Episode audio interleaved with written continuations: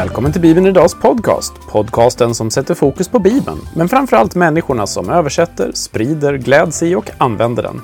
I dagens avsnitt möter vi James Starr, rektor på Johannelunds teologiska högskola, och vi pratar om ett av de kristna stororden, allsmäktig. Jag som leder podden heter Olof Brandt.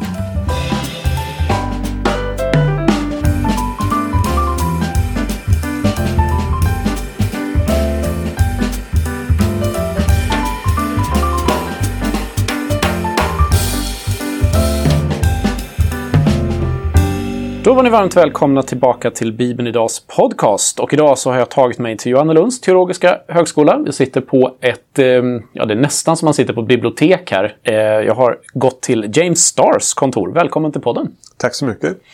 Och eh, ja, du har ju varit med i podden förut, men sedan dess har du hunnit byta tjänst. Vad jobbar du med nu? Är det så länge sedan? Uh, ja. ja, men jag är nu rektor på Johannelund sedan två år tillbaka. Och vad gör man som rektor på en teologisk högskola? Det är mycket administration, att hålla i uh, planera utbildningen och uh, se till att vi har personal och lärare till alla kurser. Att vi har en budget, en ekonomi som funkar. Får du undervisa något då? Uh, väldigt lite. Inte, inte som jag hade tänkt. Nej, okej. Okay. Vi får se om det förbättras med tiden då, eller är det... Ja, det, det blir nog uh, inte så mycket undervisning, Nej. tyvärr.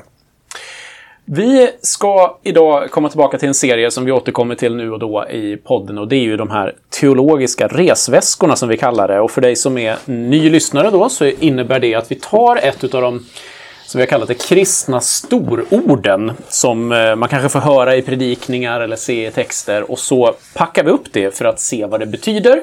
Ungefär som en resväska och se vad innehåller det här för bibliskt material och för det är historiskt material och sen kan vi packa ihop den där igen och så kan vi använda ordet i vårt vokabulär om vi vill. Och idag så ska vi då prata om allsmäktig och allsmäktighet. Jag vet inte om man säger så ens en gång. Ehm, och eh, det här är ju på förslag från er lyssnare så att eh, ni får gärna ge, ge förslag som vi kan ta och gräva vidare i. Och allsmäktig är ju då, det är sånt här ord som dyker upp till exempel i den apostoliska trosbekännelsen. Vi tror på Gud Fader allsmäktig och sådär. Mm. Men vi kan väl börja i den här änden. Alltså vad, vad betyder ordet allsmäktig? Allsmäktig, eller allmakt. Um, uh, det betyder att man har, precis vad det, som det står på svenska, det är mycket lättare att förstå på svenska än på engelska. Vi använder ordet omnipotent och då måste man kunna lite latin. Ja. Man har all makt att göra någonting. Och det är just det gudomlig egenskap. Bara Gud har all makt. Mm. Bara Gud är allsmäktig. Ordet som används i Bibeln i Nya Testamentet är pantokrator. Och det kan man se i olika ikoner till exempel. Um, att Jesus är pantokrator, den allsmäktiga. Det kommer om och om igen i Uppenbarelseboken. Ja, ja. Ja för jag, jag, jag, kunde inte låta bli då. En av de sakerna jag brukar göra i förberedelse inför Eh, de här poddarna är ju då till exempel att ta upp eh, bibeln.se och så slår jag in då allsmäktig. då slog det mig att allsmäktig finns ju knappt i, i Bibel 2000. Nej, uh, Svenska folkbibeln har det. Um, Allhärskaren står mm. i Bibel 2000 tror jag. Uh, och uh, jag kan inte förklara varför man gjorde så men, men jag kan gissa eventuellt med stor ödmjukhet en gissning. Men, men att uh, Bibel 2000 har som regel försökt undvika teologiska ord eller ord som har en sån religiös bagage. Mm. Och då är all, allsmäktig kanske uppfattades som en traditionell kristet ord som bättre att ha någonting fräscht och annorlunda. Mm. Men allhärskaren tycker jag det, det blir uh, en ganska skrämmande egenskap ja, de vill inte träffa alls allhärskaren. Mm. Men en allsmäktig Gud ja, kan vara gott. Alltså det är, inte, det är neutralt med all makt. Det, är inte, det kan vara gott eller ont. Men vad, vad i kristen tradition då när man, när man säger allsmäktig? Vad, vad för det med sig för tankar? Vad är det för någonting som det... Vad, vad är det det betyder? Alltså att, att Gud har all makt. Betyder det att människan inte har någon makt? Eller hur, hur, hur ser vi på det i kristen tradition? Nej, det, det betyder betyder inte att människan inte har makt uh, eller att andra varelser har, har begränsad makt. Men att Gud kan göra det som han vill göra. Det som Gud har beslutat sig för att göra. kan han göra. Och eh, Paulus säger att till exempel i början av Romarbrevet att vi ser Guds eviga makt, hans allmakt i skapelsen. Ja, och, och då, då är naturens storhet och, och eh, alla de makter som finns i, i, i skapelsen, i naturen, uttryck för den allmakt som Gud själv har. Alltså det går ytterst tillbaka till Gud som skapare. Um, som gör vad han vill och eh, bestämmer hur han ska göra det. Och begränsar sig uh, bara på det sätt som han vill begränsa sig. Så Gud använder inte sin allmakt på vilket sätt som helst utan det är ganska begränsad. Och det är lite paradoxalt. Ja, jag skulle säga det. Mm.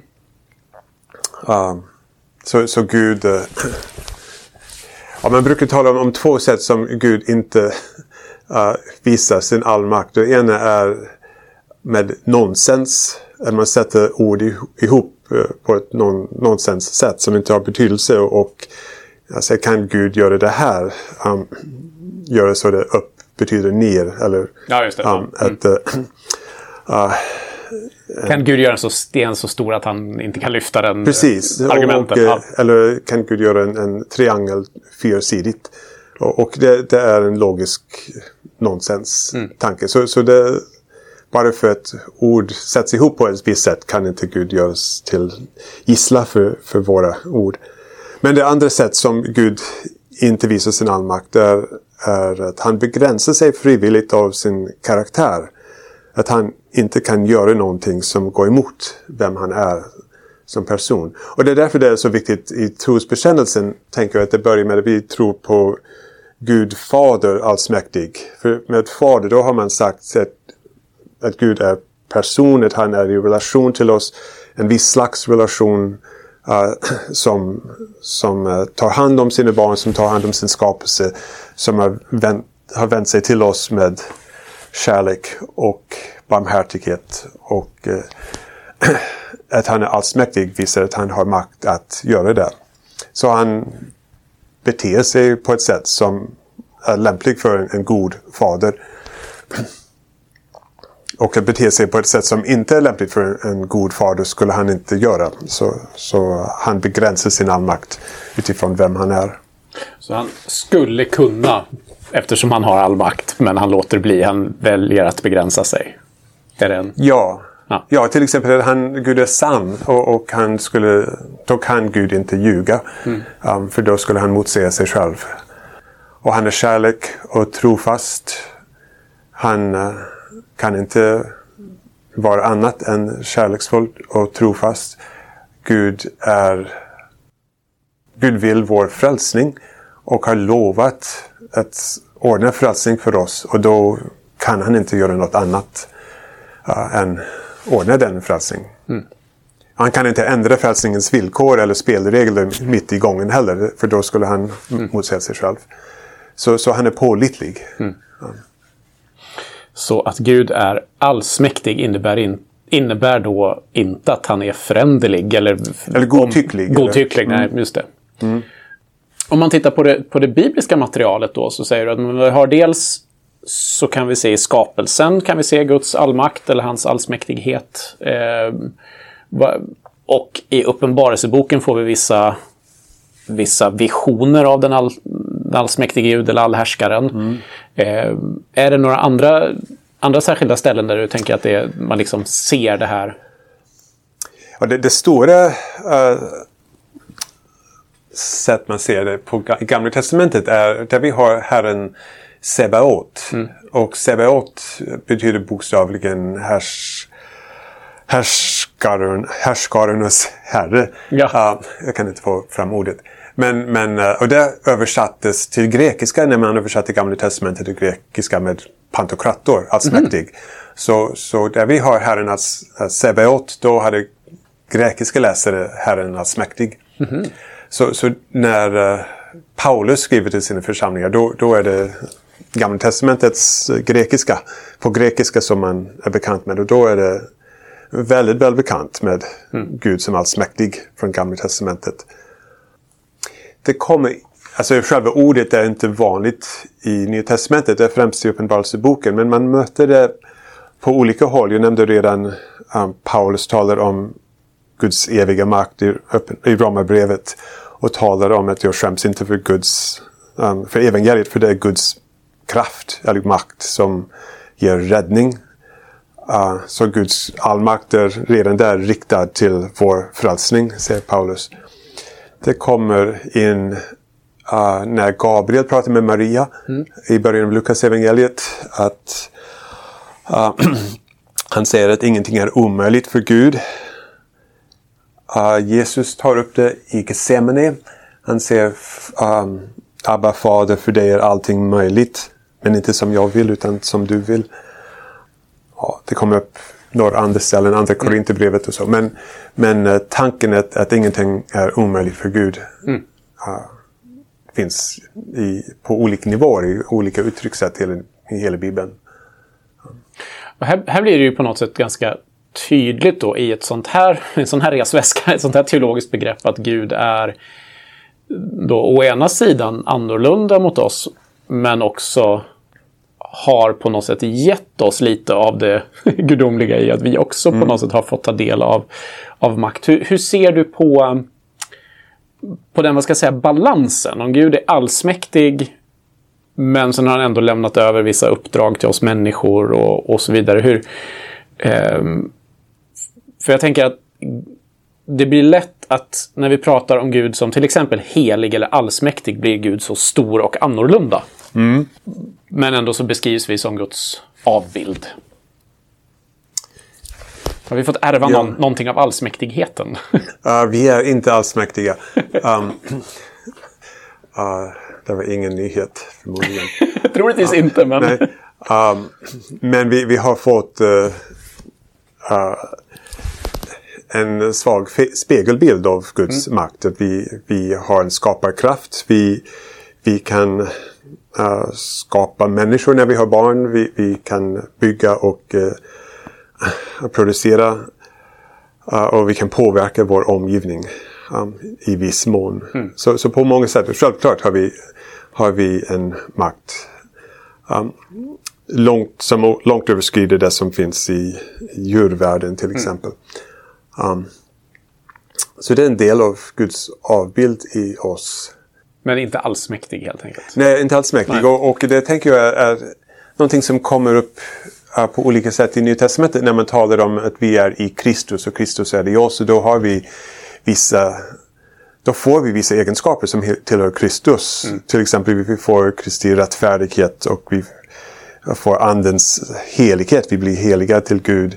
Uh, um, vi får andens frukter uh, uh, i oss och, Guds kärlek i oss. Och evigt liv får vi. Men, så, så det är en lång rad eviga egens, äh, gudomliga egenskaper som vi får som människan i, i frälsningen i Kristus.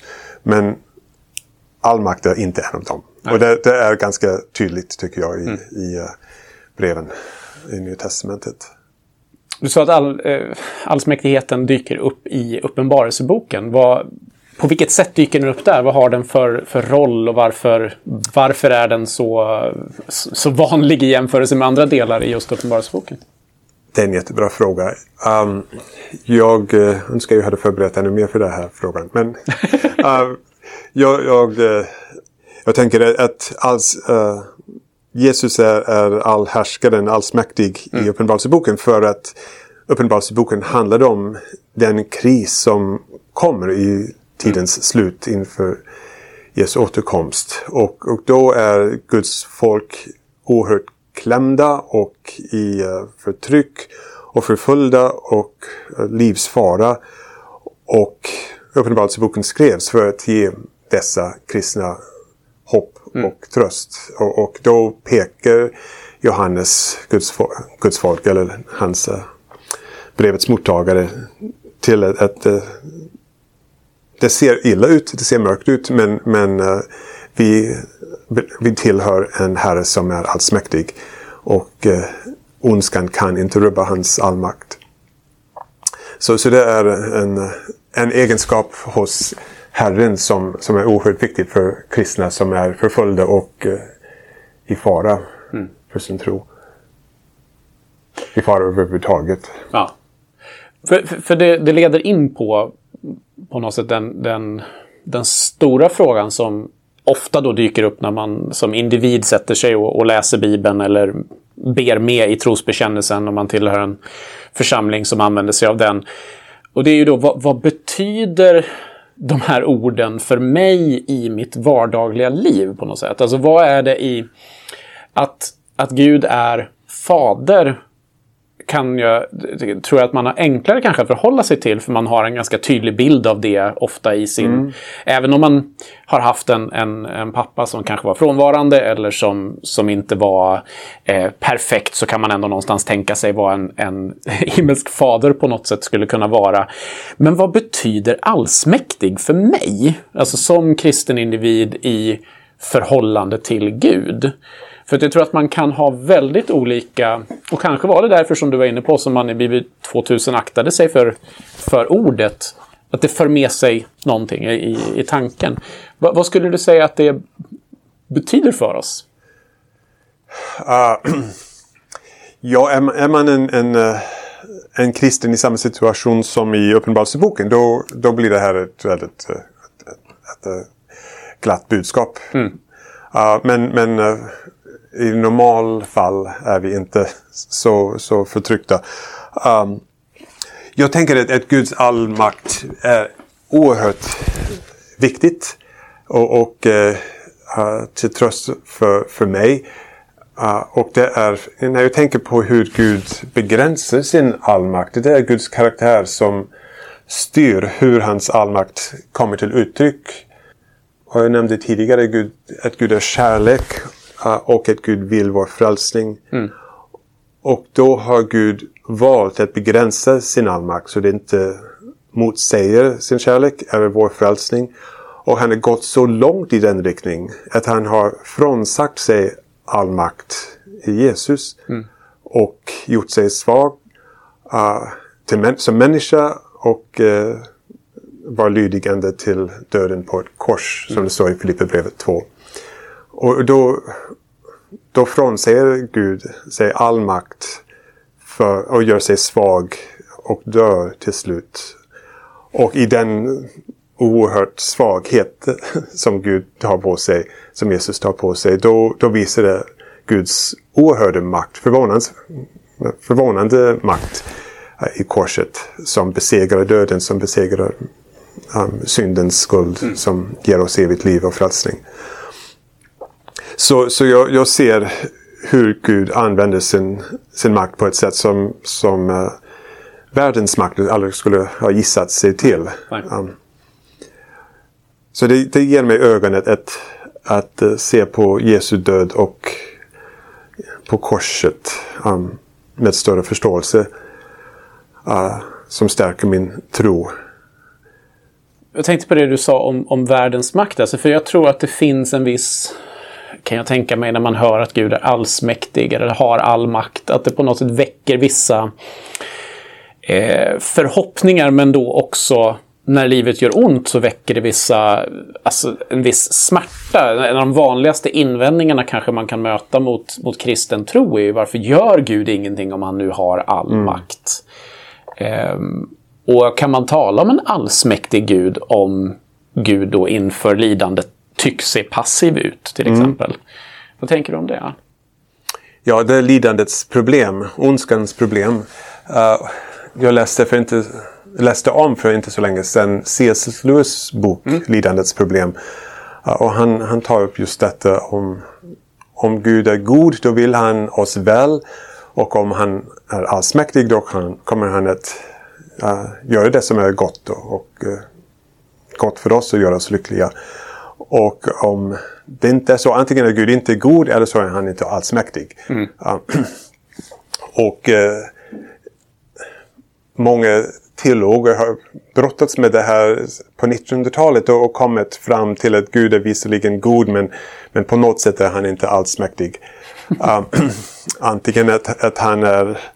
Uh, ja, det finns två stora tolkningar. Antingen att Gud är en process, att han är, håller på att utvecklas. Uh, han är ett steg före oss men han är inte fullkomlig än så hans, han har inte sin makt. Uh, och det andra är med befrielseteologi, att, att mm. Gud vill rättvisa uh, men han begränsar sig. Han är begränsad av att han måste verka genom samhälleliga och politiska krafter. Så han är beroende på oss i detta. Så i båda dessa moderna lösningar då, då, då tar man bort Guds allmakt i princip. Mm, ja. Och då blir han inte riktigt Gud i slutändan. Mm. Och så det är inte ett tillfredsställande svar. Men jag tycker de, de är bra för de uh, sätter fokus på frågan. Att här har vi faktiskt ett problem. Och, uh, och då tänker jag att uh, Paulus är, uh, Romarbrevet som, som många gånger är en bra hjälp i detta. Paulus säger i, i Romarbrevet 8 uh, jag gillar, jag vill ge mig en egen översättning här. Um, Romarbrevet 8.28. Att Gud samverkar allting till det goda för de som mm. älskar honom. Um, jag tror Bibel 2000 har allting samverkar till det bästa. Något mm. sånt. Men, men att det är Gud som gör detta. Mm. Och att, att han, Paulus har ett, ett konstigt ord där, samverkar eller medverkar. Att, att Gud verkar i och med andra. Och det är ett sätt som Guds, i Guds kärlek för oss, att han har begränsat sig. Att han har valt att verka med, um, med kyrkan, med apostlar, med, med uh, evangelister, med predikanter, um, med läkare och, och uh, han begränsar sig inte till enbart dem, men, men han gör väldigt mycket av det goda som han gör genom andra människor. Um. Så i någon mening har han ändå gett viss makt till oss genom att avsäga sig delar av sin makt och ge oss uppdrag eller samverka med oss. Han har gjort oss till sina medarbetare. Ja. Um, och det är ett annat ord som återkommer några gånger i Nya Testamentet.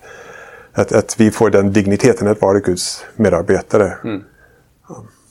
Men då och, det är det här som så många gånger när vi öppnar de här teologiska resväskorna så inser vi att det finns många, väldigt många både och. Alltså Gud mm. både kan vara allsmäktig och, och eh, det där ultimata hoppet på, på, från Uppenbarelseboken och samtidigt så samverkar han med oss då alltså. Och, så det är en del av svaret på din fråga om, om lidandets problem. Jag tänker att ett annat en annan del av svaret är att uh, dels att, att vi i, från vårt perspektiv inte har möjlighet att, att se tillräckligt helheten uh, som människor. Vi kan inte höja oss upp till Guds nivå och uh, få Guds perspektiv på, på verkligheten och universum.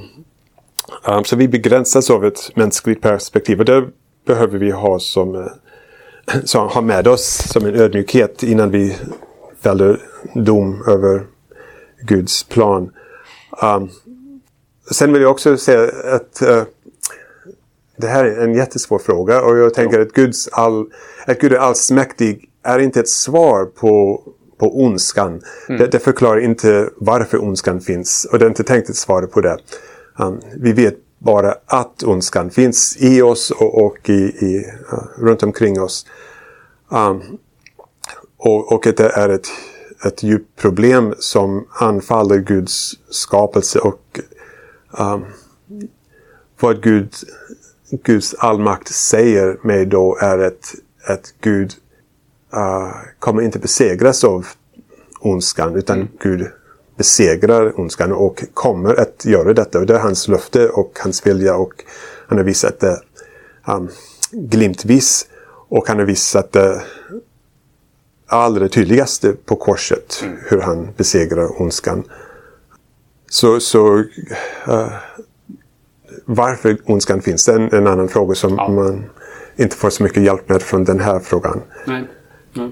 Fast du skulle kunna invända nu och säga, men James, om, om Gud är allsmäktig, varför tillät Gud ondskan att finnas? Ja, den klassiska invändningen där ja. ja. Um, men jag, jag, tycker att, att uh, jag skulle svara med Olof, du har själv svarat på frågan. uh, med den, din första fråga om, om att Gud när, när, Gud ger oss en viss makt och kraft mm. och, och, frihet. Mm. Uh, och det kan vi använda på, på det sätt som vi vill. Mm. Uh, så, så den frivilligan och uh, um, bemyndigande av skapelsen i stort gör att, att uh, skapade varelser kan agera på ett sätt som motsäger Guds vilja. Mm. Och då, då, har vi en konflikt mellan skapelsens vilja eller det skapades vilja och Guds vilja. Um, och när den skapade vill det onda, då måste Gud på något sätt rätta till och komma med en räddning. Um, och en dom mm. till slut. Det påminner mig om en, en eh, ska man passa sig för att göra teologi av Facebook-inlägg, men det var någon som hade lagt in här i, i mitt flöde häromdagen så hade de lagt in en berättelse där, där de berättade då att det var en präst som var och klippte sig hos en, eh, hos en frisör och så frågar, frågar frisören efter ett tag, jag ser att du är präst, varför finns det ondska i världen? Eh, om Gud nu finns. Eller att Gud eh, att det finns ondska är ett tydligt exempel på att, att Gud inte finns. Och så kommer prästen säger inte så mycket, men dagen efter kommer han tillbaka och så kommer han med en extremt långhårig, ovårdad eh, person då, som ser väldigt illa ut i frisyren och skäggig och dam. Och så säger han eh, Jag tror inte att det finns frisörer eller barberare. Men vad, vad, säger du? Jag står ju här mitt framför dig. Ja, ja, men titta på den här mannen. Han är oklippt, orakad. Det är klart att det inte finns frisörer. Ja. Eh, nej, men han har ju inte kommit till mig. Nej, just det, säger prästen. och det finns ju någonting i det där såklart, även om det är en, en, eh, väldigt enkel bild för den. Eh, så är det. Jag tänker på eh, vi pratade om ondskan här och, och just att ondskan det räcker ju med att slå på vilken nyhetssändning som helst så blir man ju ganska övertygad om att ondskan finns. Mm. Men vad skulle du säga är, är tecken på, både kanske i Bibeln men i, i det vi ser runt omkring oss, på att Gud är allsmäktig? Vad är det som gör att vi ska våga lita på det, så att säga? Vi får lita på Guds allmakt på grund av påskdagen. Mm. Att Jesus uppstod från de döda. Och det bevisar att döden inte tog slut på Guds kärlek och frälsningsplan. Utan det var tvärtom vägen till frälsningen som Gud har förberett för oss. Så jag, jag tänker Jesu uppståndelse är det A och O för mig. Mm. Uh, utan, utan uppståndelsen har korset ingen makt eller betydelse, tyvärr. Mm. Så, så jag håller fast vid påskdagen um, för att kunna titta på um, långfredag. Mm. Så, så det är uh, det stora, uh, det enormt stora som, som uh, lyser genom hela Nya Testamentet med strålkastarljus i alla församlingar och människors liv. Att Jesus är uppstånden. och då vet vi att Gud är allsmäktig. Jag tänker um, mer, mer på vardaglig plan kan man titta på Hans Roslings uh, berättelser om, om hur hur uh, världen faktiskt har trots allt har blivit bättre på så många sätt. Mm. Uh, att, och det är inte minst på grund av de västerländska missionärer, mm. um, protestanter och katoliker som, som har byggt skolor, som har byggt sjukhus, som har byggt barnhem, um, som har utbildat flickor och gjort kvinnor läskunniga och gett, skapat jobb. Och ja, vaccinationer och allt. Alltså mm, det, mm. Det, är, det, är, så mycket som har hänt. Um, så, så bara tvättmaskiner är hans stora exempel. Jag blir jätteglad för min tvättmaskin hemma också. Alternativet är inte roligt. Um, så så jag, jag, tycker att vi, vi ser faktiskt spår av Guds rikes ankomst. Det bryter igenom uh, i samhället i stort som, som Rosling visar oss men även i våra församlingar, i, i mitt eget liv. Jag ser hur, hur Gud besegrar synd. Han avslöjar nya synder som jag behöver ta tag i men, men jag står inte still och, och det är en, en uh, vandring som, som förändrar och ger, ger, ger frukt. Och det tycker jag vi, vi kan vara bättre på som kyrka, att, att lyfta upp ett Gud gör saker och ting i vår församling mm. här och nu. Och eh, titta på vad har hänt den här, den här veckan eller det här året. Hur Gud har varit med oss. Att, att uh, han har hjälpt oss i, i vår nöd eller vår, vår, han har svarat på bön. Um, det är bra att lyfta upp böneämnen men behöver också lyfta upp bönesvar. Mm. Um. Ja, det, det är ofta vi har förbönstunder i, i gudstjänsten, men det är sällan vi har svarsstunder. Precis, och jag, jag, jag har gjort, eh, på egen hand har jag gjort eh, fört anteckningar. Um, när jag var pastor i USA, då gjorde jag det. Jag förde anteckningar och på tacksägelsedagen, då gick jag tillbaka under förra mm. året. Vad har hänt? Och kunde läsa upp um, en lång, lång rad ja. um, bönesvar. Och, och det var enormt, det var rörande för, för mig och för hela församlingen tror jag. Mm. Ett tecken på att, att vår lilla landsortförsamling som inte hade pengar eller världens härlighet på något sätt. Men mm. Gud var verkligen med oss. Och verkade i oss. Mm. Jag tänker att, att allsmäktighet eh, och tillsammans med en del andra sådana teologiska termer eller annat eh, är ju sånt som man kanske inte... Eh, det är kanske svårt att, att få ett, ett, ett, ett vardagligt, så här, jag ser det här varje dag eller så vidare. Men om man skulle vilja på något sätt fördjupa sig i, i det, för tänka mer på allsmäktighet. Har du några, har du några tips på mm, bibeltexter? Vi har vidrört lite grann, men, men var, var, ska jag liksom, vad ska jag läsa? Vad ska jag ta till mig eh, om jag ska fördjupa mig eller förundras över eh, Guds allmakt? Också en jättebra fråga. Jag önskar jag hade förberett mer medvetet. Uh, men, men jag gör ett försök till svar. Jättebra fråga. Um, jag tänker att en sak man skulle kunna göra om man vill fördjupa sig i Guds allmakt. Jag skulle kanske läsa Uppenbarelseboken och just uh, med fokus på, på Jesus och uh, hur ofta han kallas för allhärskaren eller allsmäktig. Um, för det är det som Uppenbarelseboken vill i slutändan lämna oss med. Vi, mm, mm. vi får klarare blick på Jesus ja, och hur han är allsmäktig och räddaren i, i vår situation idag. Um, oavsett hur mörkt det är. Uh, jag tänker att Guds allmakt är någonting som, som driver mig till bön och tillbedjan. Mm. Uh, för att Gud är allsmäktig och min fader. Då, då kan jag vända mig till honom med förtröstan och glädje och tillit. Och lämna mitt liv och mina behov i hans händer. Så, så och, och, utan, utan, uh, utan, utan Guds allmakt blir mina böner bara um, klagomål kanske. Eller jag mm. um, väsnar för mig själv. Det här är så eländigt, det här är så eländigt. Vad ska vi göra? Och jag oroas. Men med Guds allmakt då kan jag faktiskt lämna det i Guds händer med, um, i tro att han tar det mm. och, och, hjälper mig. um, så det är, är, på ett sätt det extrema, det, det enklaste uttryck för tro. Att vi mm han vänder oss i tillit och lämnar i hans händer det som vi inte kan göra själva. Och även i tillbedjan, i, i lovsång, um, i gudstjänsten. Att, att uh, när man sjunger och ber att det blir verkligen att uh, lyfta upp Herren för hans, hans allmakt. Um, som omsluter oss och som ger vår frälsning verklighet. Mm. Um, mm. Det är några tankar. Ja. Vi ska mm, börja runda av här. Jag brukar alltid fråga, är det, är det någonting som du eh, tänker om det här med allsmäktighet som du skulle vilja här, säga som du inte har fått, fått ge utlopp för, höll jag på att säga, eller som du tänker att men det här är ett perspektiv vi har missat?